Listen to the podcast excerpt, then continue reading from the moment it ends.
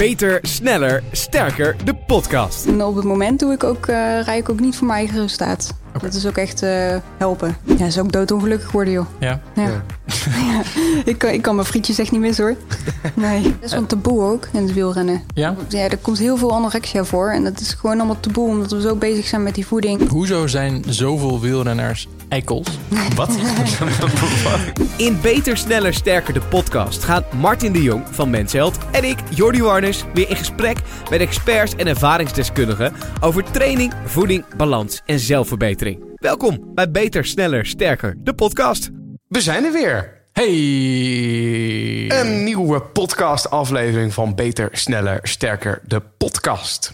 A.k.a. de leukste podcast. Ja, en uh, nou uh, hopen we niet dat uh, het geluid hier te veel overkomt... alsof we in een badkamer zitten. En anders onze excuses daarvoor. Maar ja, we, we nemen dit gewoon op... Vanuit de badkamer. Ja, vanuit de badkamer. Nee, we nemen dit gewoon op allerlei locaties nemen we dit op. en vandaag zijn we bij Hurst in Amsterdam. Oftewel ook het kantoor van uh, Mensheld. Dankjewel voor de uitnodiging, Martin. Geen probleem. Leuk dat je er bent. Ja, een heel mooi, mooi uitzicht. En um, we gaan weer een, nieuwe aflevering opnemen. Belangrijk om te vermelden weer is dat je altijd je vragen mag sturen via Instagram, @jordiwarnes met de i.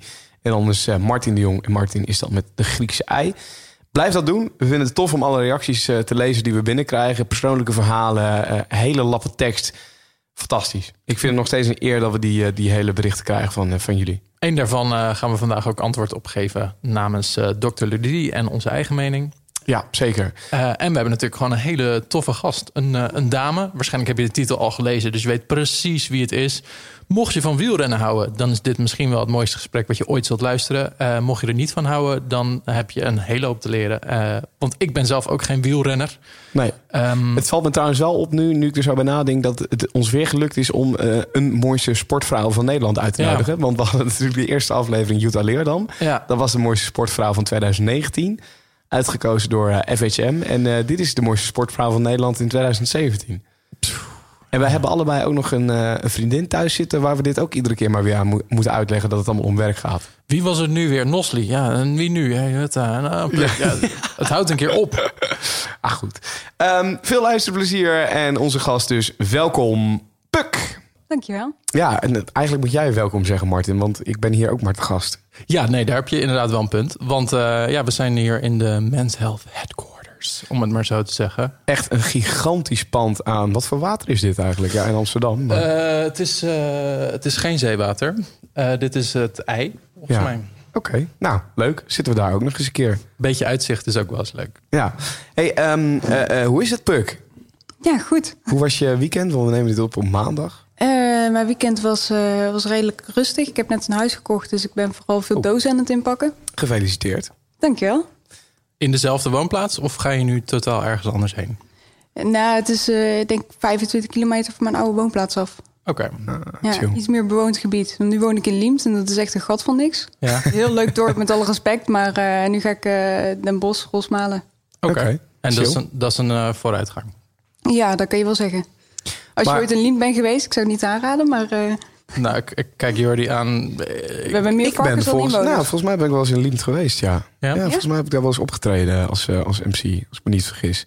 Maar uh, ja, rustig weekend zeg jij, dan verhuisd. Alleen, uh, ik zag je gisteravond ook trainen in de gym weer. Ja. Volop, dus echt ja, rustig, rustig. Je bent wel bezig gebleven. Ja, ja ik moet natuurlijk gewoon elke dag trainen. Dus, Want, want um, kijk, Martin en ik, en dat gaan we misschien vaker zeggen in deze aflevering. Althans, nee, wacht, ik ga eerst voor mezelf praten, want ik weet het van Martin niet zo goed.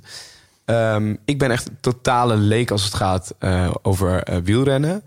Ik vind het een fantastische mooie sport om, om van de zijkant mee te maken. En ik heb schoonfamilie die is helemaal gek van wielrennen en dergelijke.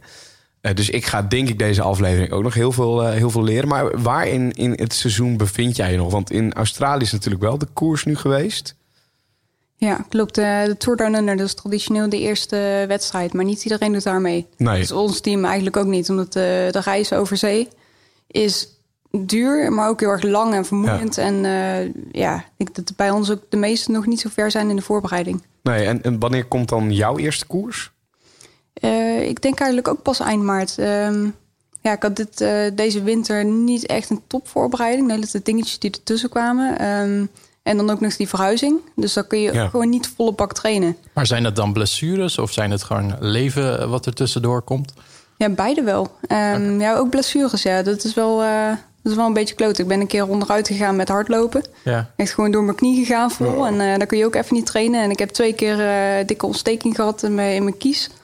Nou, dan zit je ook met, antibiotica en, eh, en koorts en zo. En ik heb kies laten trekken en dat was ook helemaal kut. Dus eh, Hmm, ja, want natuurlijk als je zeven dagen in de week traint... want je zegt ik train elke dag... dan mis je Ja. natuurlijk heel snel al heel veel trainingen... als je één week ertussenuit ligt. Ja. Merk je dat dan de week daarna ook meteen? Of ja, ja, zeker. Ja? ja, een weekje op zich is niet zo erg. Maar als je er een paar keer een weekje ertussenuit hebt... dan, dan mis je wel een stuk natuurlijk. En ehm, hoe moet ik zeg maar de trainingen of het voorbereiden zien? Want je zegt dan nu waarschijnlijk eind maart dat die eerste koers gereden zal worden. Ehm, hou je daar dan rekening mee qua, qua schema's nu of qua voeding of qua waar werk je naartoe?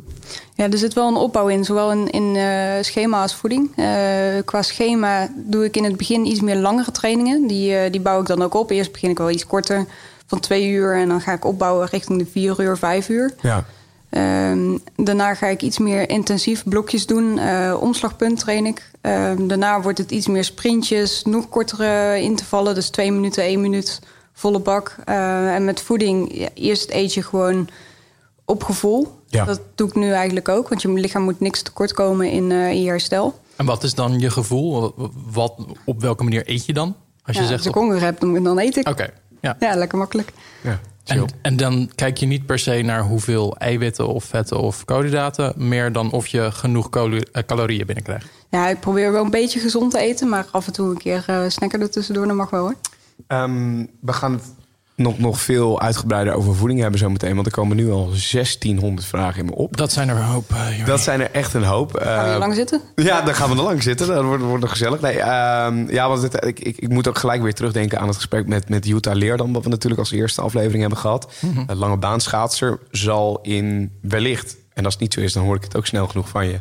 heel veel eh, aanknopingspunten hebben, denk ik, met het wielrennen. Ja. Het, het schaatsen aan zich. Ehm, maar jij hebt net nu ook getekend bij een, eh, nieuwe, eh, eh, ja, nieuw team in België.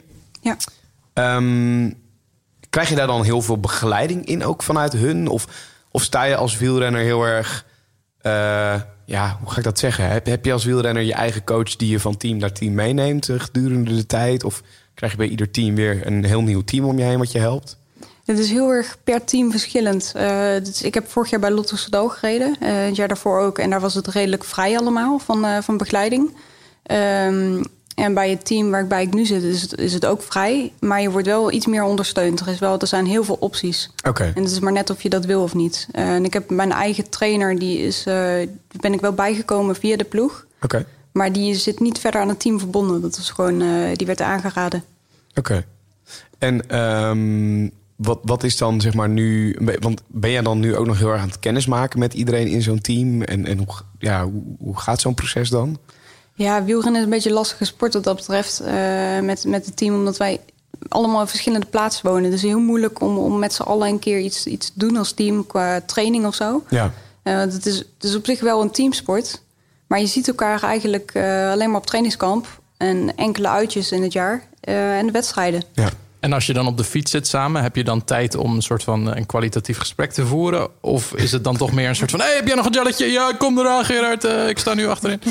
Ja, meer, meer dat laatste. Oké, dus echt meer roepen en schreeuwen dan, eh, Ja. dan hey, en eh, ik zie aan je dat je er, ja, voel je je wel helemaal oké. Ja, maar- Ja, dat komt er meer na of, of ervoor. Oké. Maar tijdens de koers is het meestal wat ga, ja, chaos.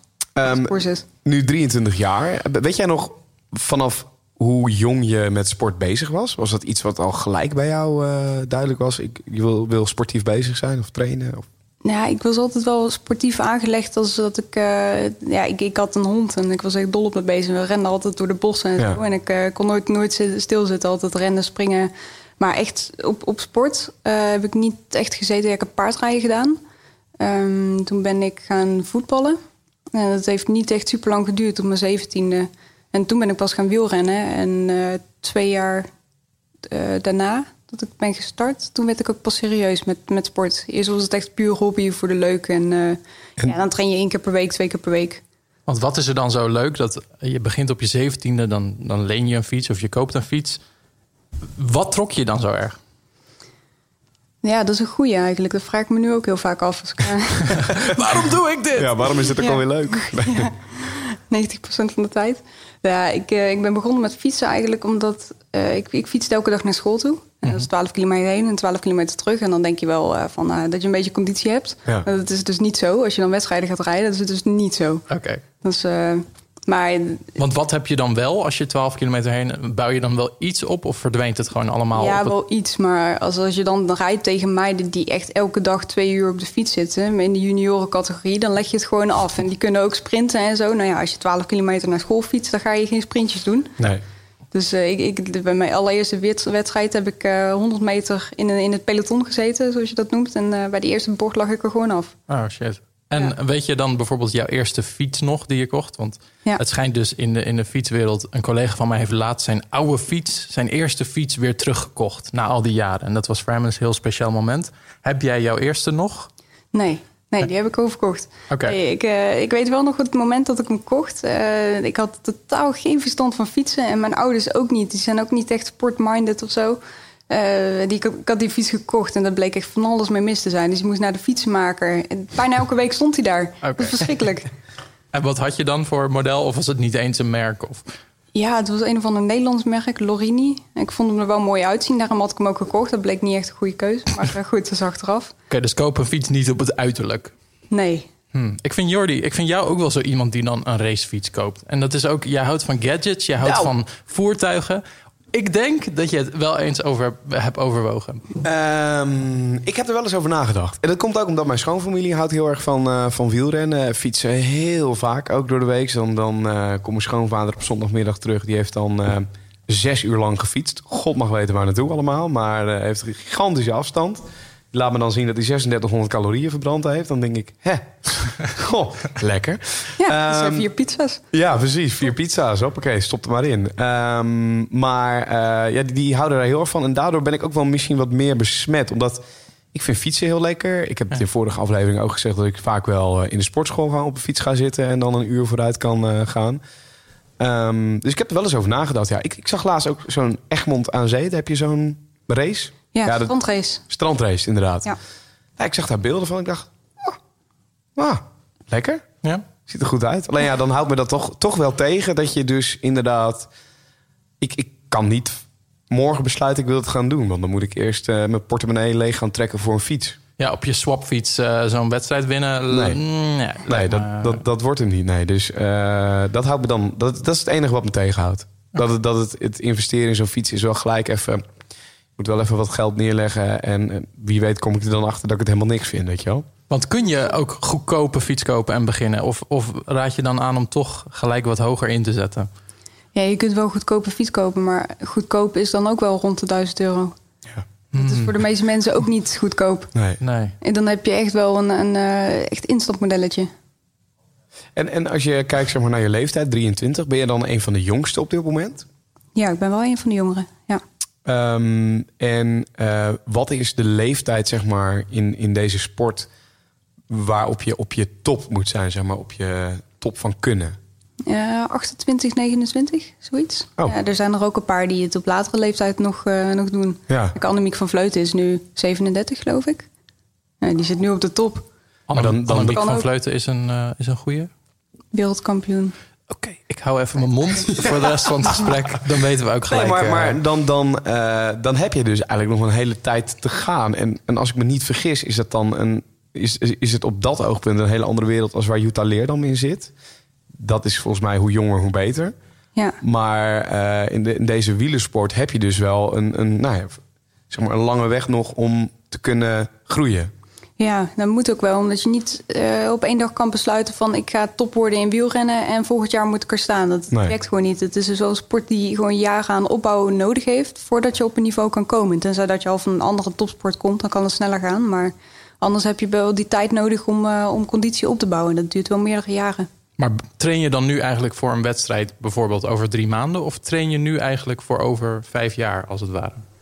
Ja, allebei wel. Ja, Allebei, het zit altijd ja. in je hoofd als je iets doet dat je daar op de lange termijn echt van profiteert. Ja, ja, dat wel. Ja, nee, ik hou altijd wel rekening met het feit dat ik heel laat begonnen ben met wielrennen. En dat ik ook niet van mezelf kan verwachten dat ik nu uh, goed ben. Omdat ik gewoon nog niet lang genoeg en ook nog niet genoeg ervaring heb in de sport. Mhm. En ook niet uit een andere topsport kom. Dus uh, dat heeft gewoon nog wat tijd nodig. Dus dan hou ik ook een beetje vast aan het feit van... nou ja, weet je, over een paar jaar, als ik dan goed word, is het ook nog goed. Dan ben ik ook nog prima op tijd. Zeg en, maar. en krijg je die ruimte dan ook van de mensen om je heen, zoals zo'n nieuw team? Of is het moeilijker aan hun uit te leggen en hebben die zoiets van ja, we willen gewoon dat je gelijk al aan de bak gaat? Of gunnen ze je ook die ruimte omdat jij nu wat later bent begonnen en nog die aanloopfase hebt? Of? Nee, ze gunnen je wel de tijd. En ook, je, je hebt ook andere functies binnen het team. Je hoeft niet meteen de, de, de kopvrouw te zijn, zoals we dat Nee. noemen. Ehm, je, je hebt ook, als je, als je meestal als je jong bent en je komt naar een groot team, dan word je helper. Dus dan help je eigenlijk de kopvrouw om, ehm, om, om een goed resultaat te rijden. En daar offer je jezelf dan voor op. Daar is het dan weer het, het, het stukje teamsport in wielrennen. Weer 1600 vragen. Want ik, ik, ik, ik weet ook helemaal niet hoe dit werkt Nee. eh, in zo'n team. Want, want kun je ons eens meenemen, Puk, naar hoe, wat- wat- je- waar bestaat zo'n team uit, zeg maar? Meestal twaalf man ongeveer, vrouwen. Ja. Ehm, je hebt meestal twee of drie kopvrouwen, die zijn, die zijn goed en die zijn gespecialiseerd in verschillende dingen. Eh, dus je hebt een, vaak heb je een sprinter, je hebt een klimster ehm, en je hebt misschien iemand voor de klassiekers. Dus dat zit er een beetje tussenin.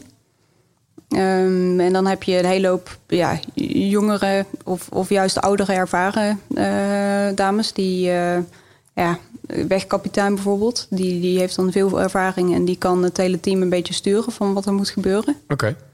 Ehm, ja, wat doe je dan in wedstrijden? Het ligt heel erg op per wedstrijd, eh, wat voor soort wedstrijd dat het is, hoeveel kans dat je maakt, wat voor tac- tactiek dat je gaat gebruiken. Ja. En wat ben jij dan? Ben jij een klimmer, sprinter? Ja, ik zit er tussenin en op het moment doe ik ook, eh rij ik ook niet voor mijn eigen resultaat. Oké. Dat is ook echt eh, helpen. Alles in het belang Dat, van. dat Ja. is wel, wel interessant. Want als je dan kijkt bijvoorbeeld naar de Formule 1, wat een hele andere sport is. Maar dan heb je ook dan bijvoorbeeld twee mensen in een team zitten. Eh neem een Max en een. eh hoe heet die andere ook weer? Nou ja, heel slecht dat ik daar nu niet op Iets kom. met een R? Ja, nee, goed. In ieder geval, daar heb je twee mensen in zo'n team zitten. En eh, die rijden eigenlijk echt voor hun eigen prestatie. En daar is soms ook onderlinge strijd tussen wie wie, wie, eh, wie nummer één wordt Ja, en dan wie rijden niet. ze elkaar van de baan af. Ja. Ja, bijvoorbeeld. Ja, ja, dat gebeurt ook vaak genoeg. Maar eh, dat is dus bij wielrennen heel wat anders. Of hebben die drie topvrouwen die vooraan rijden, rijden die wel ook voor hun eigen prestatie? Ja, dat kan wel dat het gebeurt. Ja, het is maar net hoe goed dat je team aan elkaar hangt, wat je voor elkaar over hebt. Of dat, ja. of, ja, of dat je goed kunt samenwerken of niet. En zit daar nog verschil in bij mannen of vrouwen? Dat oh, mannen zijn per definitie eh, competitiever of juist niet? Ja, ik denk ietsie competitiever. Maar eh, dan heb je ook weer dat mannen, die worden heel goed betaald. Dus als je dan werk moet doen voor een ander, dan heb je zoiets van, ja, weet je, whatever, ik word ervoor betaald. En bij de vrouwen is het meer zo van, ja, ik word niet goed betaald. Dus dan eh, heel veel redeneren zo. Van, ik moet voor mijn eigen resultaat rijden, want ja, hoe ga ik anders ooit een keer kopvrouw worden en wel goed betaald worden? Ja. Jij hebt al een huis gekocht, dus jij hoeft helemaal niet over na te denken. Je kan gewoon rustig over de tijd die je wil rijden nadenken. Ja, zoiets. Wat een geruststelling. En- ja, ik, ik ben ook wel echt een teamplayer op, dat vlak. Ik, eh, ik heb er geen problemen mee om eh, op te offeren voor iemand anders. Zolang Maar is het dan een teamsport of een individualistische sport? Want je zit in een team, maar ik kan me voorstellen dat je de meeste tijd die je spendeert, misschien dan toch in je eigen gedachten eh, in je eentje spendeert. Ja, ja. Nee, dat is wel moeilijk. Het is, het is wel meer een teamsport. Maar het is ook weer individueel, omdat je ook altijd alleen traint en je rijdt ook altijd alleen. En, in een wedstrijd ook. en is het wel eens eenzaam dat je, zeg maar, je spendeert heel veel uren met jezelf, dat je dan in diepe gedachten, dat je ook wel eens denkt van, oh, hoe, hoe zou het zijn daarbuiten? Of, of weet je heel goed hoe het daarbuiten is en eh, heb je die gedachte helemaal niet? Ehm, ja, er schiet van alles door je hoofd als je, als je, als je alleen gaat fietsen. Ja. Echt van alles. Dat gaat echt alle kanten op. Maar ja, nee, een moeilijke vraag eigenlijk. Een moeilijke vraag. Je hebt, je hebt je eerste moeilijke vraag gesteld, eh Martin. Ja. Hoe- ik schrik er zelf ook van. Je schrikt er zelf ook van, ja. Ik Nou, denk ik- dat ik buiten het leven of buiten het fietsen om, denk ik ook wel na over die dingen. Ja. Hoe zou het anders zijn? Maakt fietsen je dan mindfulness? Of, of mindful, om het zo te zeggen? Ehm, ja, ik denk het wel. Ja? Ja. op die manier wel. Hm. Want ik, ik heb wel eens een. eh, ik had voor mezelf op een doellijstje staan. Ik wil 150 kilometer op een dag fietsen. Nou, dat waren. eh, ik fietste niet heel snel, dus het was iets van zes uur op de fiets. En nou, ik ben echt drie keer mezelf tegengekomen over de, mijn diepste gedachten. En eh, op een gegeven moment heb ik gewoon maar muziek opgezet om gewoon ja, een beetje uit mijn hoofd te stappen. Ehm, en nou weet ik dat het een beetje uh, een taboe is om op de racefiets oortjes in te doen. Omdat je daarmee eigenlijk je risico op een aanrijding aanzienlijk vergroot. Is dat zo? Ja, ja dus bij ons op de ja, redactie. Ben je wel minder bewust van het verkeer. Ja, draagt niemand dat eigenlijk. Um, dus ja, ik, ik, vraag me af. Ik zou het zelf. Uh, ik, ik, mis dan een beetje de prikkels. De enige prikkels die ik dan heb zijn van het fietsen. En na, na verloop van tijd verveel ik me dan. Um, en dan wil ik muziek. En anders ja, ben ik na twee dagen wel klaar. Dus ik ben altijd zo benieuwd hoe, hoe je de uren met jezelf zo ja, vol maakt, als het ware. Of is dat puur die strijd met je lichaam? Ja, ik luister wel gewoon muziek op de fiets. Ja? Maar ik kies ook wel mijn routes uit dat ik, uh, dat ik, dat ik niet echt door steden of dorpen heen kom. Dat, ja, dat vermijd ik dan een beetje rustige wegen. En dan let ik er ook wel op dat ik gewoon netjes aan de kant rijd. Dat als ik een auto niet hoor aankomen, dat ik in ieder geval aan de kant rijd. Dat hij er gewoon langs kan. En heb je dan van die aftershocks dingen waardoor je het wel hoort, maar nog steeds de omgeving hoort? Of? Nee, nee okay. dat weet ik niet. Gewoon normale... Ja, gewoon normale oortjes. Ja, en je kan natuurlijk ook altijd naar een podcast luisteren als je fietst. Ja, precies. Daar ben ik eigenlijk wel van plan om dat te doen. Ja, ja. nou kijk, hey. Hey, dat is een goeie. Um, en, en uh, dat kopje voeding, hè, waar we het net over hadden. Wat, wat mij heel erg bij, bij Utah opviel. Um, ik dacht, weet je wat, ik, ik, wij gaan met een topsporter gaan we praten. Um, en als ik kijk naar, uh, naar onze droogtraindingen en, en wij als krachttrainers en weet ik veel wat, wij zijn continu bezig met of macro's, met of hoeveel calorieën krijgen we binnen, hoeveel koolhydraten zijn dat, hoeveel eiwitten, noem maar maar op, om het beste resultaat uiteindelijk te behalen. Um, het viel mij op dat bij Utah, die was daar totaal niet mee bezig. Die at gewoon, uh, nou, ze, wist wat ze kon eten, zeg maar, waardoor ze niet aankwam of, uh, of afviel. Uh, en, en at verder gewoon waar ze op dat moment zin in had en wat gezond is.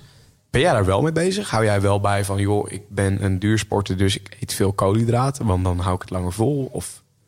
Nee, ik sta er denk ik ook een beetje hetzelfde in als, uh, als Jutta.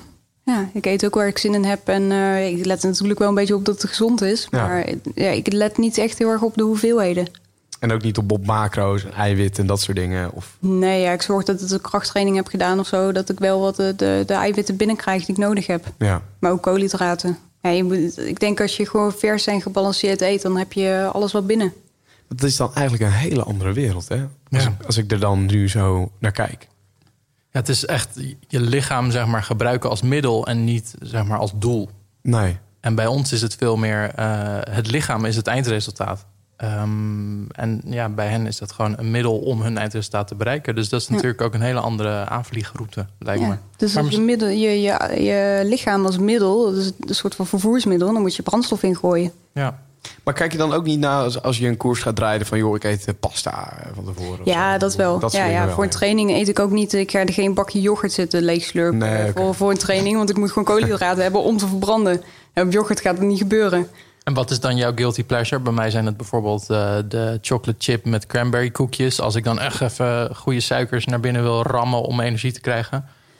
Oeh, um, ja, bij mij gaat alles er wel in.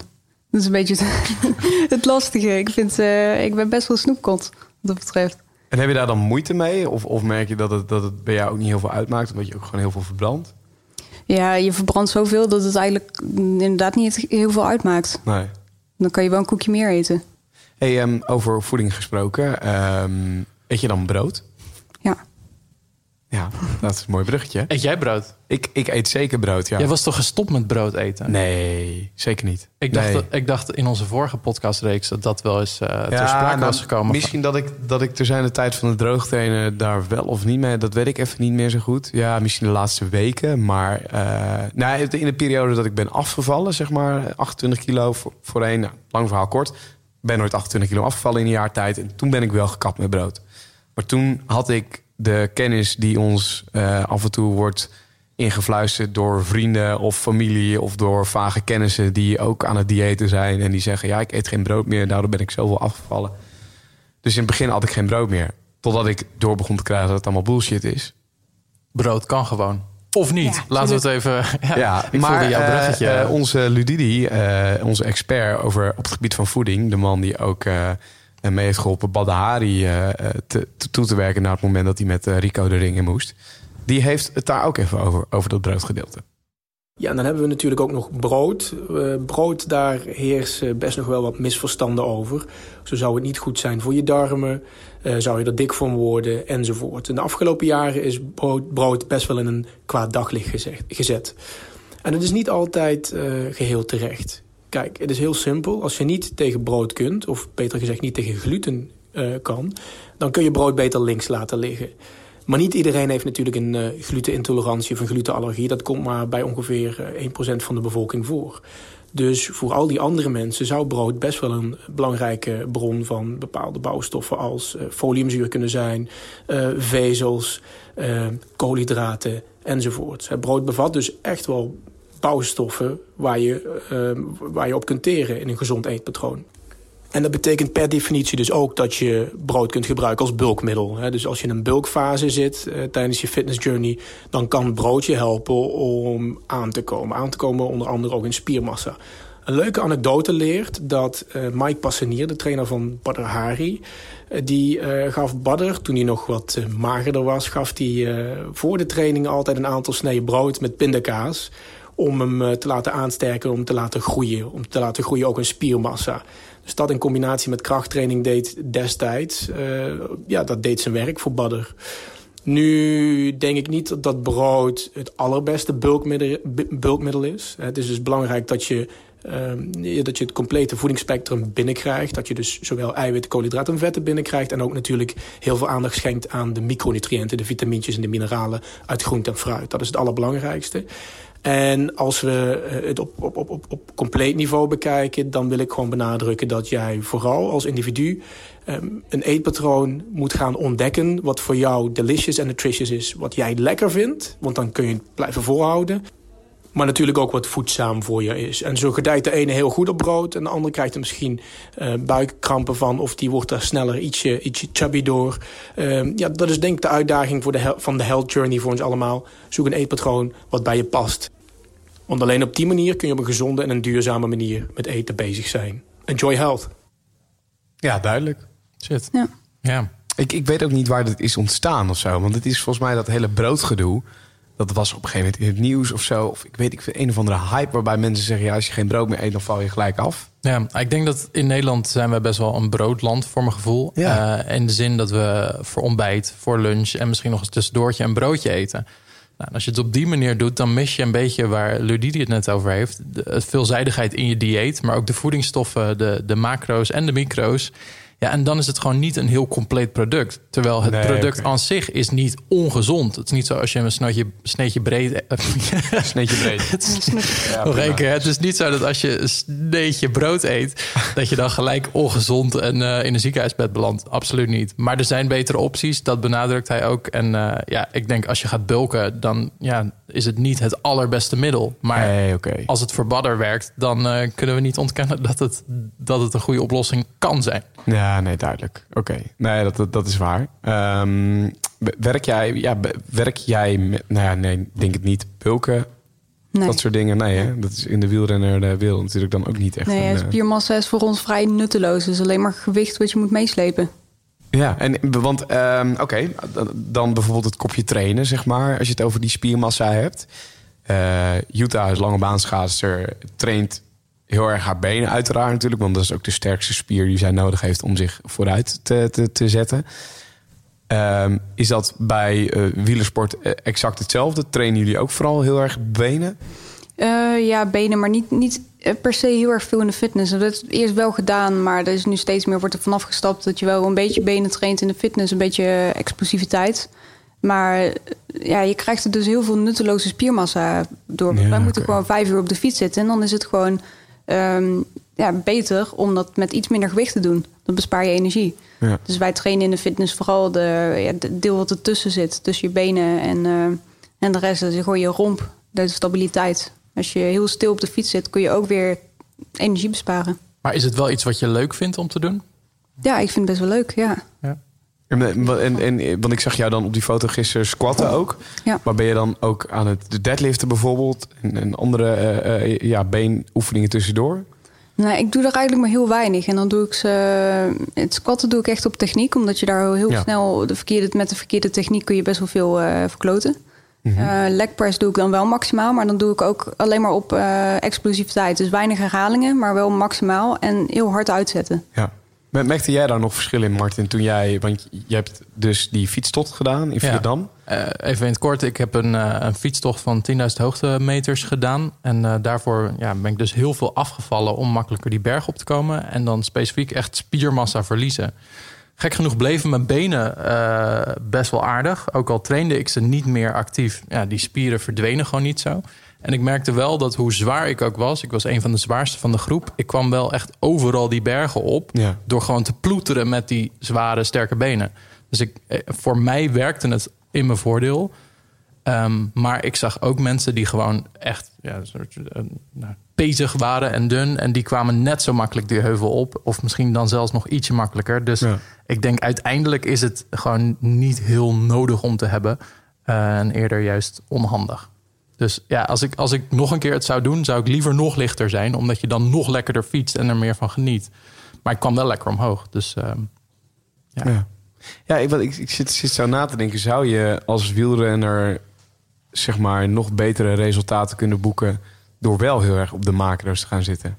Nou, dat vraag ik me eigenlijk bij heel veel sporters af. Ook bij hardlopers. Ik, ik hoor heel vaak dat ze er niet mee bezig zijn. Um, echt voor echt Nederlands niveau uh, toplopers die gewoon ja, een beetje casual voeding, maar wel op die milliseconden af aan het trainen zijn. Dus voor mij zit er altijd een vraag van ja, wat zou er gebeuren als je dan ook nog daar heel bewust mee bezig zou zijn? Ja, bij wielrennen wordt dat wel heel erg gedaan. Ik denk dat ik eerder een uitzondering ben op de regel die een beetje op gevoel eet. Maar bij ons wordt er echt gewoon gewogen ook met een keukenweegschaal.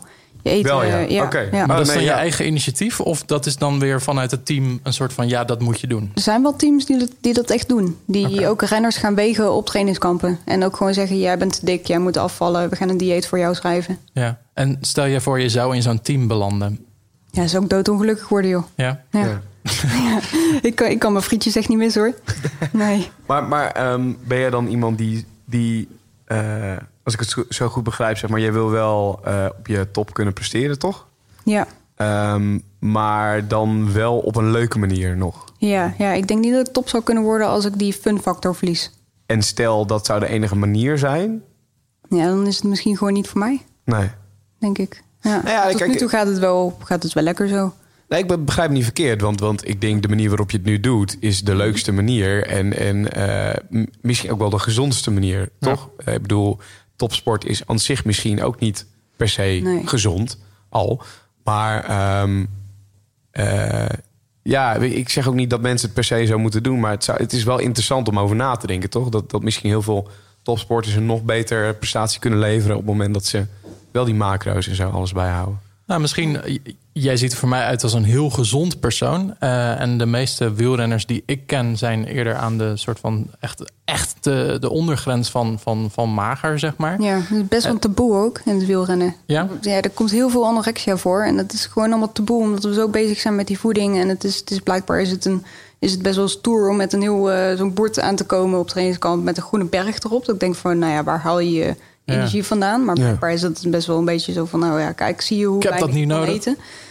Ja, zo van kijk hoe gezond dat ik ben, hoe eh, scherp dat ik sta. Ja. Maar denk je dan dat het door wielrennen ontstaat? Of dat ze het al hebben en dan gaan wielrennen als middel? Een beetje op dezelfde manier dat Jordi bijna zin krijgt om op de fiets te springen. Ja, het zit wel een beetje in de cultuur van het wielrennen, denk ik hoor. Dat, uh, dat afvallen en zo. Want ik zie wel gewoon heel veel mensen die daar mee bezig zijn. Hoe beter dat ze worden, hoe erger dat ze op die voeding gaan... Uh, er zijn er ook wel heel veel die op het randje zitten en ook een hele hoop die erover gaan.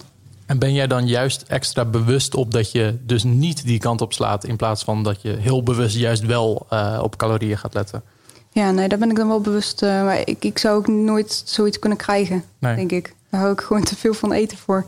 Ja, want uh, ik las laatst ook iets over uh, jou en je social media. Dat je het bijvoorbeeld uh, vervelend vond om het als een soort vleeskeuring... dat het een beetje zo, zo uitpakte. Is het inmiddels veranderd? Um, je, je, post bepaalde dingen niet. Merk je al dat je volgers op een andere manier reageren... of dat het een, een fijnere sfeer wordt? Um, ja, volgens mij ligt het ook heel erg aan gewoon... mensen, mensen verwachten dat je presteert als je sporter bent. Mm. Um, en dat is bij mij gewoon nog niet het geval. En dat komt dan wel, maar ze rekenen je er dan wel op af. En dan wordt het de vleeskeuring, omdat ze dan zoiets hebben van... kijk, je bent er alleen maar voor de versiering. Mm -hmm. Dat ik gewoon ook mijn taak heb binnen een team. En dat is helpen ja. en niet winnen. Dus um, Ja, dus, wat dan zou je tegen die mensen beetje- willen zeggen eigenlijk? Ja, verdiep je een keer in de sport. Fuck you, krijg lekker de kleren. Ja, ja, ja. maar nee, maar want... Doe het ehm, zelf maar eens. Heb je, heb je daar ook bijvoorbeeld in de sportwereld zelf eh, moeite mee? Zijn er mensen die op jou judgen misschien omdat je zoveel volgers hebt of, of zo populair bent, zeg maar? En als, of of vinden ze, snappen ze je helemaal en, en vinden ze het allemaal logisch of zo? Of hoe, hoe Ja. gaat dat? Vroeger was het wel zo. eh, dat je wel achter de rug om vaak iets hoorde. Ehm, ja, dan, dan, ja, zodra mensen dan mij leren kennen, dan, dan verdwijnt dat ook. Ja. En ik denk ook dat, dat de, de sporters tegenwoordig steeds meer realiseren dat ze wel eh, dat, dat steeds meer alles verschuift naar social media. En sport is gewoon gebouwd rond sponsoring. De teams die lopen niet zonder sponsoring. Dus het is gewoon heel erg belangrijk om daar Ja. ook mee bezig te zijn. Dat realiseert zich iedereen nu wel. Dus hoe helpt het jou?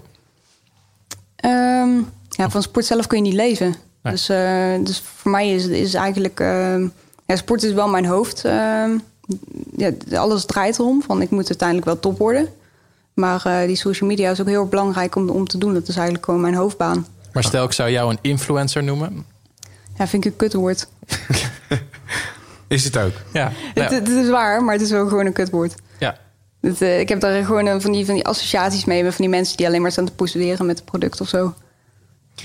Als je kijkt naar, naar jouw ehm, persoonlijke doelen, zeg maar. Je hebt nu getekend bij dat team in, in België voor twee jaar. Ja. Ehm, wat vind jij, zeg maar, dat er in die twee jaar moet gebeuren? Goeie vraag, Ehm, Jordi. Ja, goede Ja. vraag. Ehm, ja, ik wil in eerste instantie wil ik gewoon terugkomen op niveau. ehm, ja, ik, ik heb natuurlijk mijn knie gebroken ehm, in 2018 met het Nederlands kampioenschap. Ehm, en daarna heb ik best wel lang niet, niet kunnen fietsen. Eh, en het jaar daarna, vorig jaar dus, eh, liep ook niet helemaal zoals ik had ge- gedacht. Omdat ik goed was hersteld, dacht ik, van die knieblessure. Ja. Ehm, dat was niet het geval. En ik heb het hele jaar heb ik, eh, heb ik achter de feiten aangelopen. Dus ik hoop dat ik dadelijk wel weer gewoon in balans ben. En dat ik gewoon voor de 100, volle 100% kan geven op de fiets. Dat was vorig jaar dus niet zo. En, en ben je dan aan het eind van die twee jaar eh, gepromoveerd van helper naar een andere positie binnen het team? Ik hoop van wel. Ja, ja we hebben nu ook wel gezegd van gewoon terugkomen op niveau dit jaar. Ja. Eh, daarom heb ik ook voor twee jaar getekend. Omdat nu is het, het redelijk, redelijk vrij dit seizoen. Van, eh, van ja, je moet eerst maar gewoon terugkomen. En kijken wat je, wat je voor stappen kunt zetten. ja. En daarna is het meer van kijken wat, wat zit er nog meer in. En ehm, ja, wat Maar gaat zoiets- doen van gaat zoiets- doelen. Binnen een, een, een jaar op die, die positieverandering? Want ik neem aan dat die drie topvrouwen die dan bij wijze van spreken voorin rijden nu op die plek willen blijven zitten? Of Ja, ja, is het ja. gewoon de beste wind? Klaar. En- Nou ja, je krijgt natuurlijk ook wel je eigen kansen door, Ja. door het jaar. Je focust natuurlijk wel op een, een paar mensen. Maar je krijgt ook wel je eigen kansen. En dan is het van, eh, laat maar zien of je het kunt. En misschien een beetje een gekke vraag, maar eh, helpt het? Je, je had een relatie met een wielrenner. Helpt het dan om een partner te hebben die ook in diezelfde wereld zit, om je dan verder te kunnen helpen? Of is het. Ja, dat dacht ik eerst wel, maar daar ben ik dan niet helemaal meer zeker van. Nee. Het is natuurlijk ook met de reden stuk gelopen. En dat was ook een beetje de reden omdat alles eh, om hem ging draaien. Natuurlijk, hij presteerde heel goed. Dus dat was ook niet meer dan logisch, denk ik, dat hij eh, ja, voorrang kreeg met bepaalde dingen. Maar dat ondermijnt op een gegeven moment ook jouw carrière. Dus ik denk dat eh, ja, heel veel eh, topsporters die zijn egoïstisch. Die zijn gigantische egoïsten. Nou, ik ben dat niet. Eh, ja, misschien dat er nu mensen zeggen van nou, maar nee, ik vind mezelf niet egoïstisch. Dus Ja, ik denk is- ja, als je met de topsporters samenleeft, dan, dan heb je heel veel voordelen. Maar ja, je bent dan, dan heb je ook wel het risico dat je met een egoïst zit en dat het uiteindelijk allemaal om die ander gaat draaien. Maar er is, moet- het, is het erg egoïstisch zijn? Want dat kun je natuurlijk op een bepaald niveau zijn. Ik bedoel, egoïstisch misschien van mij is om op zaterdagmiddag te zeggen tegen mijn vriendin: Ik ga sporten.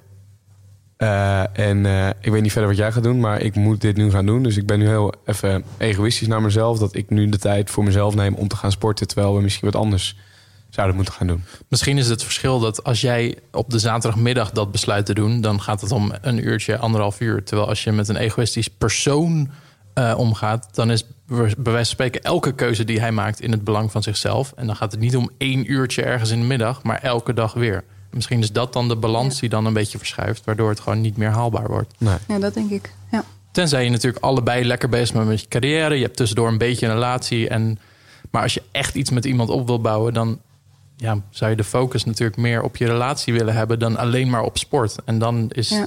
ja. dat Ja, misschien gewoon niet je genoeg heel goed diepgang. kunnen afstemmen, denk Ja. ik. Want je bent met z'n tweeën. In een relatie ben je altijd met, met z'n tweeën. En dan moet, het, eh, moet niet de balans verkeerd liggen.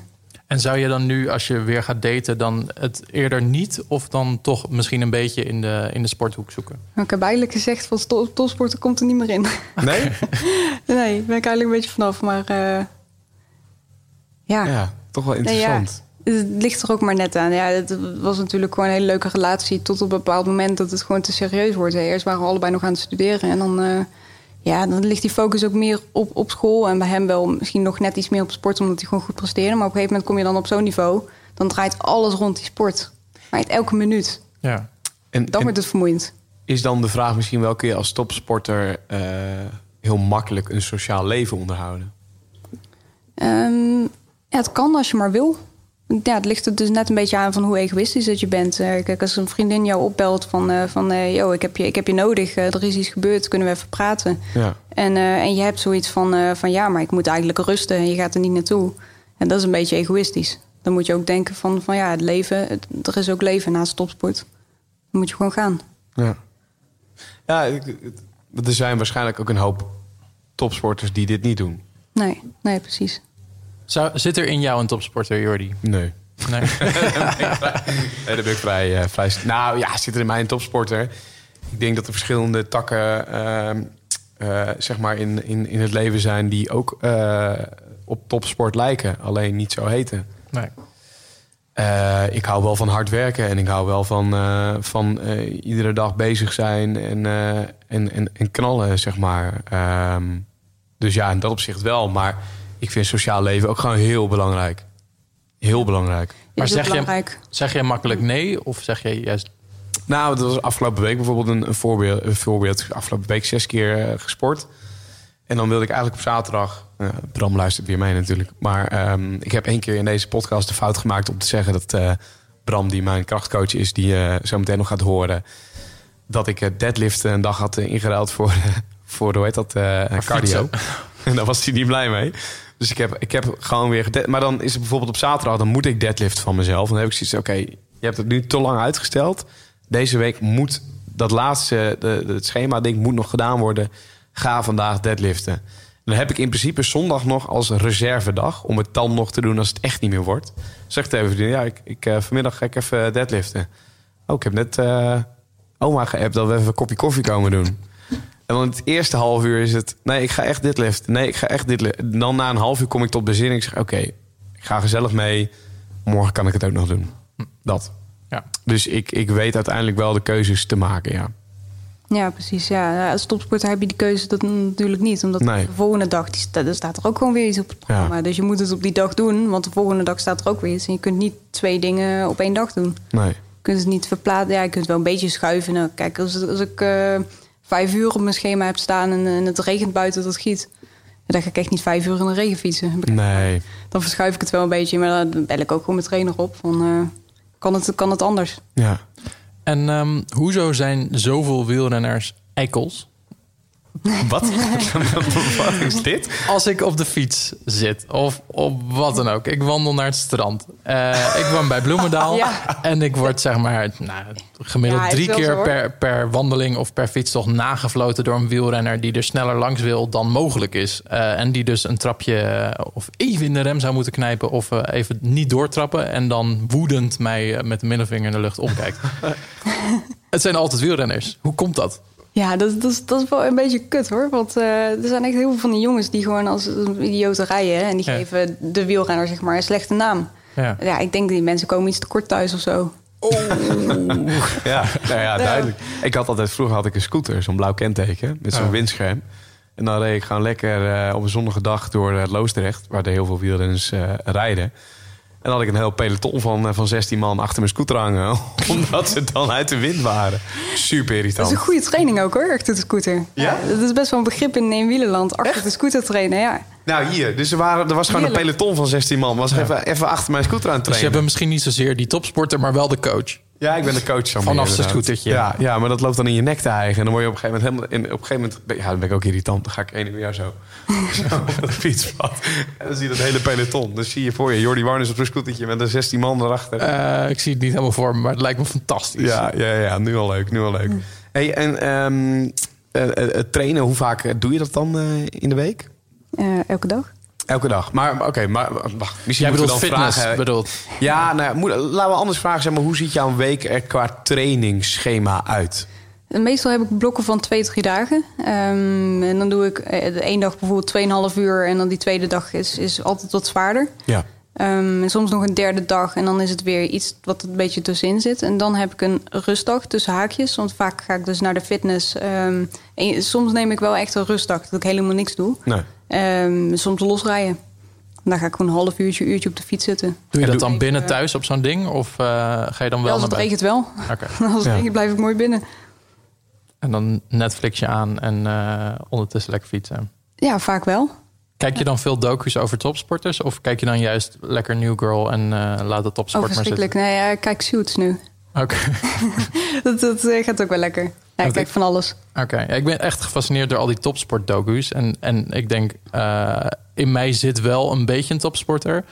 Um, diabetes zou niet meehelpen, omdat dat gewoon heel moeilijk is om daarmee topsport te, te beoefenen op mm -hmm. een consistent niveau. Het kan, het wel. kan wel. Ja, het kan dat absoluut. is zelfs een team. Dat ja, het Novo Nordisk uh, Precies, team. Ja. Ze hebben me wel eens gevraagd. Nee, is nog nooit gebeurd. um, nee, ja, maar, maar ik denk dat ik dan toch te veel geniet ook van andere dingen. Uh, ik heb te veel hobby's en dan zou ik het heel moeilijk vinden om op één ding te richten. En uh, misschien, ja, zou ik het moeten proberen, maar dan ben ik nu 25 jaar te laat. Dus uh, Ja, als een sport je hobby is, dan is het makkelijker. ja, nee, fitness Bij mij wel. is dat vanuit die kant begonnen. Van fietsen is hobby, dus dan ga je topsport doen. Ja. En dan Maar- doe je je hobby als, als beroep. Maar misschien ben ik al professioneel sporter. Want ehm, kijk, ik werk natuurlijk voor Men's Health, mooie titel. En ik moet heel vaak trainen voor werk. Dus in die zin krijg ik betaald om te sporten. Ben Ja. ik dan een professioneel sporter, Jordi? Dat vraag je mij. ik zou het niet weten. Als jij, als jij dat op je badge wil zetten, jongen, dan mag dat toch? Staat er bij deze op, Ja, op mijn LinkedIn. doe dat, doe dat lekker allemaal. Hey, ik heb hier een eh, onwijs eh, eh, een moeilijke vraag staan, maar wel een, eh, een interessante. Wat is jouw FTP-drempel? Eh, op dit Wat moment, is een FTP-drempel? maar, maar zeg je, wat, wat is hem? eh, op dit moment 220. Ja, en dan, ga ik, laag. dan stel ik nu de vraag: wat is een FTV-drempel? Eh, dat is je functional threshold power. Wat is je functional threshold? wat houdt dat in? Dat is eigenlijk de, de, ja, de drempelwaarde van eh outputvermogen, dus in watt, ehm, waarop je gaat eh, verzuren in principe. Dus vanaf eh aerobe naar anaerobe. Jordi, kun je dat even voor mij eh, samenvatten? Nee. Dit heeft te maken met eh, hoe hard je trapt en hoe snel je dan je benen verzuurt? Ja, als je onder die drempel blijft, dan kun je door blijven gaan. Oké. Eigenlijk heel, best, wel, best wel lang. Als je nou net onder die drempel blijft, dan gaat je lichaam net niet over naar het stadium waar, die, ja, waar, waar je dus verzuring gaat opbouwen. Maar hoe blijf je dan zeg maar, onder die drempel? Hoe hou je dat in de gaten? Eh, als je een wattagemeter hebt, kun je dat zien. En die bind je om je arm of om je benen? Of... Nee, dat zit in je pedaal. Of ja, Oh. eigenlijk in je, in je krank. Ja. Weet je wat krank is? Nee. Je hebt zo- je hebt zo'n ding met een tandblad. En dat zit Ja. zo door je fiets heen. Ja. De buis. Ja. eh, onderaan. En daar zitten twee trappers aan. Ah. Daar zit het in. En, en eh, jij ziet dan op een metertje 220 staan en dan weet je, oké, als ik hierbij blijf, dan blijf ik nu chill. Ja, precies. Als je er net onder, dan, dan, dan kan je lichaam dat nog... Het, het verbranden van die koolhydraten en vetten kan het nog verwerken. Maar als je erboven komt, dan verbrand je net te veel om te kunnen verwerken. En dan bouw je die verzuring op. En, Oh. en probeer je dan de komende twee jaar die FTP weer te verleggen? Of staat die nu vast en moet die hier blijven? Ehm, nee, nee, dat probeer je altijd wel omhoog te, te krijgen. Ehm, ja, hij is bij mij ook wel hoger geweest, maar nu ben ik in opbouwfase, dus dan is hij weer laag. En ik ga nu net eigenlijk, eh, ik denk volgende week of zo, ga ik weer beginnen met het opbouwen van de FTP. Dan Oké. kun je bepaalde trainingen doen om dat weer langzaamaan omhoog te krijgen, want dan moet wel omhoog. Ja, want eh, is het dan zo wat je bij een, eh, een krachtsporter bijvoorbeeld zijn 1 RM noemt? Is dat dan bijvoorbeeld wat jij drie seconden zou kunnen trappen, maximaal vermogen? Eh, nee, dat heeft er dan weer niet zoveel mee te maken. Dat is Nee, maar in metaforische termen zeg maar. Is het, Ehm, Of is het gewoon een kutvraag?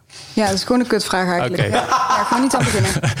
hoe, hoe, hoe lang, wat kun je trappen drie seconden lang maximaal vermogen? In het seizoen of buiten het seizoen? Uh, allebei op dit misschien? moment? Ja. Ja, op dit moment had ik 850, denk ik. 850 watt. Um, en ik denk maximaal zal het iets van 900 zijn in het seizoen. En ik hoop dat ik dat ook wel een beetje omhoog krijg. Daarom doe ik nu ook wat krachttraining. Dit is eigenlijk een beetje hetzelfde als dat er iemand in de gym naartoe komt. Hey, hoeveel tel jij dan? Uh, Eigenlijk wel. 220. Ja. ja. Wil je weten wat mijn uh, was, uh, Jordi? Uh, ja, de, in, Zij heeft net in acht, het seizoen of acht. buiten het seizoen? uh, de, allebei. Ze had net 800. Ja. Ik had 400. Uh, oh. Schattig. Okay. ja. ja, dan, kom je, dan kom je niet eens om het hoekje kijken. Dan, dan, Nee, ja, dan zie je de hele hoek niet eens. Dan ben, dan ben ik niet eens een sprinter. Want de sprinter die trapt gewoon 1200 watt weg. 1200 watt. Ja, het ligt er ook aan hoe zwaar dat je Dat bent. doet mijn magnetron niet eens, volgens mij. Nee, waarschijnlijk niet. maar ja, magnetron doet het wel een paar minuten. Dat is zeker waar. Ja, dat, uh, maar oké, dus je, je zit onder die 22. Maar hoe weet je dan... Uh, ja, dan kom je nou gewoon gedurende de training achter, zeg maar, dat je op die 22 zit. Maar hoe verleg je zoiets? Je hebt een computertje. Dus Ja, je het allemaal lekker aflezen. Maar hoe, maar hoe verleg je, zeg maar, die 22? Uh, ja, dat, dat kun je doen door uh, rond die grens te trainen en hem dan te prikkelen. Dus je kunt, uh, dit is een hele goede training voor over-under. En dan Ja. ga je daar net iets boven fietsen, een paar minuten, en weer net iets onder. En zo stimuleer je dat lichaam om die grens te gaan verleggen. Nou, Wat vind je ervan dat um, jij spreekt normaal natuurlijk met verslaggevers en mensen die alles van de sport weten. Hoe, hoe is het dan om met ons te praten? Die echt geen zak ervan af weten, maar wel geïnteresseerd zijn. Ja, dus, uh, ja, dat is wel leuk. Dat is gezellig. maar, Uh, maar als je zeg maar... binnen zit, ik, ga ik gewoon helemaal stuk natuurlijk. Snap je wel. Ja, Ja, valt er geen mee. blad voor de wond, heerlijk. Maar um, wat, wat, wat, wat is dan het grootste misverstand wat wij misschien hebben van deze sport? Laat ik het zo zeggen. Wat, wat, wat, wat denkt de gemiddelde Nederlander over wielrensport en wat absoluut niet zo is? Of, Ja, ik wou zeggen asociaal, maar dat is dus wel zo. Ja. Zoals we hebben gehoord. ja. De, um, ja, de profs doen dat trouwens niet. Die zijn netjes. Meest, de meeste. hè. Hmm. Er zijn altijd eikels bij. Maar uh, uh, wat is de grootste misconceptie die mensen hebben van wielrennen? Dat iedereen aan de, aan de anabolen zit? Ja, ik denk doping, inderdaad. Ja. Ja. ja. Dat is wel een misvatting. Omdat wielrennen is de meest gecontroleerde sport. Ja. Ja. En ik denk als je evenveel zou controleren in andere sporten, pak voetbal of zo, dat het helemaal vol zit. Maar, Maar daar wat- weten we het er niet, niet genoeg van. Die jongens die worden al gestrest als drie keer per jaar gecontroleerd we, moeten worden. Want dat is van ah, privacy en zo. Ja. Nou, ja, wielrenners worden wel vaker eh, gecontroleerd. Maar Martin, kun jij dan als, als online eh, chef van Mensheld uitleggen... wat is precies doping? Want ik denk dat heel veel mensen weten dat doping bestaat. Dat er mensen zijn die doping gebruiken. Dat het in de wielersport is gebeurd. Maar nou ja, jij zegt dus ook bij andere sporten natuurlijk gewoon. Maar wat is doping? Er is heel veel. Eh, er is een hele lijst waar verschillende vormen op staan. We, ehm, en het is iets wat je kunt nemen waardoor je beter presteert dan je lichaam eigenlijk van nature zou kunnen. Eh, en dat kan zijn dat je bijvoorbeeld meer testosteron in je lichaam hebt, waardoor je meer spieren hebt en meer kracht bijvoorbeeld. Maar het kan ook iets zijn waardoor je bijvoorbeeld in je bloed eh, meer witte of rode bloedcellen hebt, waardoor je meer of minder zuurstof of energie in je lichaam kunt transporteren. Nou, dan heb ik bijvoorbeeld iemand gesproken die eh, nam bijvoorbeeld doping zonder dat ze het wist. En dat, eh, dat was iemand die werkte in een laboratorium. En die had meer energie nodig s'avonds. En die nam daarvoor een soort ja, pilletje wat ze al jaren slikte. En toen ineens deed ze mee aan Nederlands kampioenschap rennen. En toen werd ze gelijk betrapt. Bam! Doping gebruikt. Alle records zijn weggenomen. Eh, ze mocht nergens meer trainen omdat ze doping gebruikte. Terwijl, ja, dat, ze nam niet anabolen. Het was niet dat ze in haar bil aan het spuiten was voordat ze ging slapen. Ze nam een onschuldig pilletje. Dus, wat is doping? Het is, ja, het is een, een ellenlange lijst en er kan van alles op staan. Ehm, het is niet per se alleen maar anabolen. Nee, Maar- het zit ook in supplementen inderdaad. Van die sportsupplementen. Heel veel van die, van die shit die mensen in de sportschool gebruiken. Van die pillen en, en dat soort dingen. Daar zit het ook gewoon in. Het kan wel of bevuild zijn of het zit er gewoon bewust in. Ja. En eh, ja, ik denk als top, topsporter, dan heb je wel een beetje de, de verplichting om, om dat zelf te controleren. Want je hebt een lijst en daar staat eh, de, van, van de WADA en daar staat alles op wat je wel en niet mag pakken. Ja, en dat verschilt ook nog per sport, toch? Wat je wel en niet kan. Of is dat gewoon die algehele lijst is de regel? Ja, ik weet het niet. Ik ken het eigenlijk alleen maar van, van wielrennen. Maar ik doe niet aan supplementen. Dus ik, uh, ik kijk eigenlijk nooit op de lijst. Alleen maar soms als ik uh, medicijn of zo moet nemen. Zo, uh, ja, antibiotica, dat mag natuurlijk. Maar ik had een keer een pijnstiller, een zwaardere pijnstiller, tramadol. En dan moet je wel even kijken van, mag dat eigenlijk wel? Hoe lang mag dat in mijn bloed blijven zitten? Tot de volgende wedstrijd. En nu neem je bijvoorbeeld wel First Energy Gum. Daarvan weet je gewoon, het is puur cafeïne en een beetje kauwgom. En dan zit je safe. Ja, precies. Ja. Maar dat is dan dus Um, cafeïne is dan dus geen, geen dopingvorm, terwijl je daar wel ook sneller of beter door kan presteren, zeg maar. Ja, en, ja maar en bietensap is ook geen, um, ook geen doping, maar ook daarvan uh, zweren ook weer mensen dat je beter presteert. Nee. Ja, precies. Maar dat, dat soort dingen kun je heel moeilijk verbieden. Je kunt ook moeilijk cafeïne. Dat is wel een keer verboden geweest. Maar hoe ga je mensen stoppen koffie drinken? Ja, ja precies. Maar je zit heel peloton zit aan de koffie. Dan worden ze nog zagrijniger. En wat zijn dan die jelletjes? Wat, wat is dat? Dat is meestal een, een mix van dextrose en fructose. En eh, dat heeft als reden dat je, je kan ongeveer 60 koolhydraten per uur opnemen als sporter. Um, als je dat van bijvoorbeeld alleen dextrose zou nemen of alleen fructose. En als je die twee combineert, dan kun je net iets sneller en net iets meer koolhydraten opnemen. Vandaar dat het altijd een mix is. En dan heb je iets snellere werkende. Dus de dextrose en de fructose duurt ietsje langer. Waardoor je en gelijk energie hebt, maar ook ietsje langer. En er zit soms ook nog cafeïne in om je ook nog een extra boost te geven. Ja. Maar als je heel lang op de fiets zit en je bent alleen maar cafeïne gelletjes aan het werken, uh, naar binnen aan het werken, dan uh, raak je zo overprikkeld doordat je lichaam continu moet presteren met energie die er dan net niet is, dat je eigenlijk je zenuwsysteem een beetje overbelast. Ja, je hebt het ook helemaal niet nodig. Dan moet je gewoon een reep eten of zo. Ja, ik sprak laatst iemand. Training, die gelletjes zijn voor in wedstrijden uh, op het moment dat je het echt nodig hebt. Ja. Dus, of in de finale of uh, op het moment dat je denkt van, oh shit, te weinig gegeten. En dan gooi je er even snel een gelletje in voordat je een hongerklop krijgt. Ja. Nou, ik sprak dus iemand die had, um, ik heb best wel sterke pre-workout thuis. En die zei, oh, ik ga lekker fietsen uh, in Vietnam. Uh, ik neem wel even pre-workout mee. Nou, toevallig ook die pot. Um, maar dat spul is gemaakt om hooguit een uur, echt max, uh, op je top te kunnen presteren. Daarna zak je ook in, je wordt vermoeid en prikkelbaar. En ja. eigenlijk moet je dan gewoon weer opladen. Dus als je dan acht uur per dag op een fiets zit en je neemt ja, of maar één schepje, daar heb je dan sowieso even niks aan. Of meerdere, dan ben je zelf ook aan tegenwerken op een meerdaagse fietstocht. Dus sommige supplementen moet je ook helemaal niet willen uh, gebruiken bij duursport. En dit was daar wel een heftig voorbeeld van. Ja, nee, met duursport is het wel zo dat je, dat je gewoon van tevoren goed moet eten. Dus uh, ja, pasta, gewoon lekker carboloading. Mm -hmm. En dan uh, als je begint met fietsen, zeker lange tocht, dan moet je het gewoon onderhouden. Dat je elk uur wat eet als je aan die 60 gram komt. Hm. En um, zo'n First Energy Gum, kijk, we worden niet uh, gesponsord door ze, maar ik ben er ook best wel fan van, uh, van die kauwgompjes. Volgens mij, Martin, jij ook wel. Ja, zeker. Uh, jij bent ook trouwens supporter van het merk. Ja. Wat is dan een moment waarop je zo'n gum gebruikt? Zeg maar? Is dat dan vlak voor de race? Of? Ja, hij werkt vijf uur, dus de wedstrijden duren nooit langer dan, dan vier uur. Um, dus ja, altijd voor een wedstrijd, voor een training ook vind het zo bizar dat, dat van. Wat, wat, wat werkte dan vijf uur, Martin? Kun jij dat uitleggen? Ik heb echt geen idee. Ik, want, ik, ja, cafeïne, maar ik weet, niet, ik weet ook niet precies hoe dat zit. Het wordt opgenomen via slijmvlies. Het werkt wel snel, maar dat, eh, blijkbaar houdt het vijf uur lang vol. Ja, ik, ik merk het op zich. Uh, ik word niet echt heel energiek van, van uh, cafeïne, maar wel geconcentreerd. Ja, dat is wel heel fijn. Dat merk je wel. Maar dat merk je ook met koffie bijvoorbeeld. Dat als je koffie drinkt om uh, acht uur, dat je dan om elf uur nog niet kan slapen. Nee, dat hoeft ook niet. Ik heb drie, drie dubbele espresso op. Hey, hatsa. Um, zullen we even naar een uh, traintipje toe gaan van onze krachtcoach Bram Strik? Ja, hier zijn we weer. Bram Strik van Strictly Powerhouse. Ik wilde nog even ingaan over de techniek bij krachttraining. Het verbaasde me namelijk dat jij zei... ja, Bram is heel erg van de techniek. Het verbaast mij dat ik een van de enigen ben die altijd zegt... let op de techniek. Alleen echt goede krachttrainers, en die zijn er toch nog wel genoeg zeggen allemaal dat de techniek het belangrijkste is. Als je levenslang wil liften, moet je kiezen voor techniek. Niet zwaarder gaan en iets slechtere techniek omdat je dan zwaarder kan. Niet een andere oefening doen hè, omdat je die niet goed kan. Zorg ervoor dat je de basistechnieken, dus een squat, bankdrukken, deadlift, een pullbeweging, dus of je nou een lat pull doet of een pull-up, zorg ervoor dat je die beheerst. Als je een goed programma hebt, kan je daar ook goed op bouwen.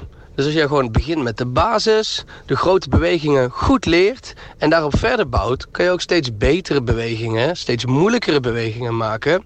En zo kan je je krachtprogramma steeds verder opbouwen. Je moet niet te snel willen gaan.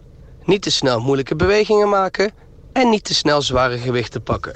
Dus focus op techniek, een goed programma en zoek eventueel hulp daarbij. Dus een coach, een andere krachttrainer of wat dan ook. Niet iedereen kan het alleen. Zeker niet de mensen die ik zie liften vaak in de gyms. Dus tip, neem een trainer of coach en zorg ervoor dat iemand kan kijken wat jij doet, zodat je daarmee over kan praten. Succes! Ja, techniek. Ik dacht al, wanneer gaat het er een keer over hebben? ja, ja, voor de duidelijkheid, Bram Strik, uh, krachtcoach voor nou, onder andere bij het NOC, NSF, Papendal en uh, het, ja, het dat voetballers trainen ook bij hem. Heel veel verschillende mensen. Ik, jij, Martin. man die heel erg op de techniek ook hamert. Ik, ik, ik had een persoonlijke mijlpaal vorige week of twee weken terug, geloof ik, zoiets. Was ik bij hem aan het trainen en toen heb ik weer gedeadlift. En uh, ik was aan het deadliften. En uh, voor mij ook een mijlpaadje qua gewicht. Vijf keer 100 kilo. En hoppa, ik hoorde hem niet. Ik, ik ben zo klaar. En ik kijk me aan. Ja, dat is goed, zegt hij. En heel nonchalant. ik dacht, ja, lul. Ik heb hier goddomme een half jaar voor getraind... dat ik, uh, dat ik eindelijk dit netjes die techniek kan doen. Ik heb je altijd vanaf de zijlijn horen zeggen... rugrecht, dit of dat en weet ik veel wat. En dan, ja, netjes.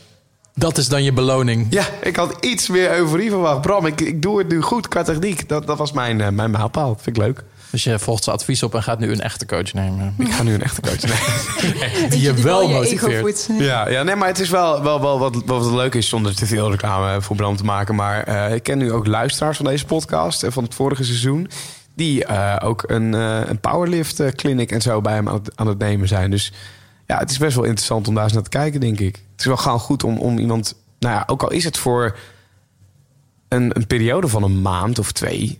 Ik bedoel, ik, ik train ook niet iedere maand of iedere week bij Bram. Maar, maar ja, het is wel handig om een coach te hebben waar je af en toe even in de leer kan voor een bepaalde periode. En daarna heb je zoveel kennis. Nou, kijk, wat het is, stel je begint nu met fitness en je loopt die sportschool in. Dan kom je er prima uit met een bicep curl. En die, eh, misschien dat je de leg press ook nog wel uit weten te vogelen. Maar waar je dan blijft steken is een goede bench press, een goede squat en een goede deadlift. Terwijl als je net begint met power uh, of met sporten en je zou zeggen: ja, nee, uh, ik ga volgende week beginnen, maar ik ga nu een powerlift cursus doen, dan word je voor gek verklaard van hé, maar je weet nog niks en dan ga je nu gelijk powerliften.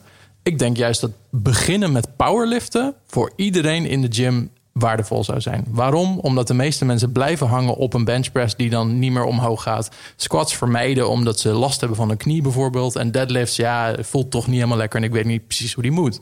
Oftewel, in de beginjaren laat je eigenlijk heel veel gains liggen en heel veel voortgang. Dus stel je zou gelijk met powerliften beginnen. Voor mij had het enorm geholpen als ik gelijk al wist hoe de drie belangrijkste lifts van de gym moesten. In plaats van dat ik ze zou vermijden. Ja, ja, en mij heeft het dus heel erg geholpen. Want het is ook letterlijk de manier waarop ik ben eh, begonnen ben met trainen. Ja. Door bij, uh, bij het coaching de leer te gaan. Ja, ja goeie. Dus, uh, en zijn tip was eigenlijk dus pak niet te zwaar, let op techniek. Ik zie inderdaad meestal ook het tegenovergestelde. Mensen die bicep curls met 20 kilo aan het slingeren zijn. met bolle rug aan het deadliften.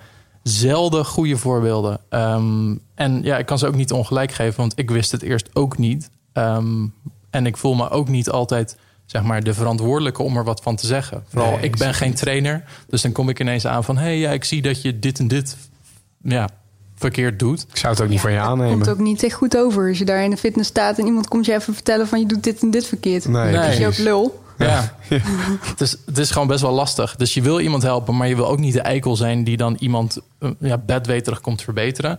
Dus eigenlijk staan we gewoon allemaal het verkeerd te doen... en uh, hopen we dat het uh, allemaal goed gaat. Ja, dat is wel, het kan wel grote gevolgen hebben. Want als je met een bolle rug staat... dan kun je wel behoorlijk je rug naar de kloot helpen. Precies. Dat je dadelijk met een hernia. Nou, dan heb je nog minder. Ja, precies. Ik, ik besef me na deze aflevering... ik wil geen ruzie met Puk. Nee? Ik ben achter een kant gekomen van Puk. Ik dacht, een heel lief lief, uh, lief meisje. waar het, het, ik heb die woorden voorbij horen dat komen. Iedereen, ik, maar ja, kan best wel goed zijn. Nee, ja, ja, heerlijk. Ik hou ervan. um, ja, het, het, brengt ons ook aan het, aan het eind weer van, uh, van deze aflevering uh, met, de, met Puk Bonen. ik vond het weer een enorme interessante aflevering. Puk, als jij nou... Um, iets zou moeten zeggen tegen mensen die aan het luisteren zijn, eh, eh, vrouwen, mannen die eh, ook geïnteresseerd zijn in de wielersport, waar zou je mee beginnen? Ehm, Sparen. Ja, sparen. Ja, een krantenwijkje lopen. Dat heb ik ook gedaan. Ja, Ehm, ja, ik, ik denk ook vooral internet opzoeken. Maar Gaan ik heel veel dat zoeken. had ik eerst ook moeten doen. Ik, ik ben gewoon begonnen en eh, dat, dat ging ook grandioos mis. Dus Ja. ja. ja, ik ben er ook pas na twee jaar of drie jaar achter gekomen hoe dat het eigenlijk zat. Maar Ja. vooral eerst informatie, niet, niet zomaar wat, eh, wat doen. Dus niet gelijk op die fiets springen, eerst een beetje inlezen. Ja, ja, over voeding bijvoorbeeld. Eh, Als je gaat fietsen, je, je ontbijt niet of zo. eh, en dan ga je allemaal eh, je spieren zitten verbranden. Hmm. Als je geen voeding erin stopt. Dat heb ik eerst ook al verkeerd gedaan hoor. Dus je denkt van, oh, we moeten even afvallen. En dan eh, spring je op die fiets. Gelijk En een klikpedalen terwijl je dat misschien nog niet gewend bent. Ook. Ja, dan val je ook een keer om. Minder dan dat. oh god, ik ben ook echt een kluns, dus ik weet ook helemaal niet of ik dit ooit moet willen. Dit. Nou, nou, op, op deze... Het is wel een hele fijne sport als je gewoon ehm, eh, veel wil verbranden. Want als je Ja. een paar uur op die fiets zit, eh, in relatief weinig tijd verbrand je wel heel veel calorieën. En eh, ik, ik zeg ook altijd van eat to ride en ride to eat. Dus eigenlijk, ja, je gaat, je gaat fietsen en dan kun je daar lekker veel eten. Dus het is echt heerlijk aan de sport. ik ga morgen beginnen. Nou, ik heb echt eh, respect voor iedereen die aan wielrennen doet. Eh, ik heb de- deze week eh, twee collega's, eh, nou verloren is een groot woord, maar de, de chef online van Bicycling en de chef van het magazine zijn allebei van de fiets gevallen. Eén heeft een sleutelbeen gebroken en de ander eh, zijn schouder. Dus ik heb heel veel respect voor iedereen die op die fiets zit. En eh, ja, je klinkt gewoon echt als een beest op de fiets. Ik heb je natuurlijk nooit eh, op de fiets gezien. Maar als ik die blik in je ogen zie terwijl je erover praat, denk ik, ja, dat zit wel goed. Dus eh, ja, bedankt voor een heel mooi gesprek. En nou, we houden je in de gaten. Nou, jullie bedankt. Ja, en eh, je weet het, hè, vond je dit een leuke aflevering? Dan eh, kun je altijd even een reactie achterlaten in Apple Podcast, eh, Spotify waar we te vinden zijn. Vergeet niet te abonneren, want dan krijg je volgende week ook gewoon weer een melding dat we een nieuwe aflevering van Beter, Sneller, Sterker, de podcast online hebben staan. De uitspraak ging lekker bij deze. Ja, hè? Beter, Ja. Sneller, Sterker, de podcast. Holy shit. Nog één keer. Be- Beter, Sneller, Sterker, de podcast. Hatseflat, BSS, mensen. Bedankt voor het luisteren. Ja, bedankt voor het luisteren en tot de volgende week.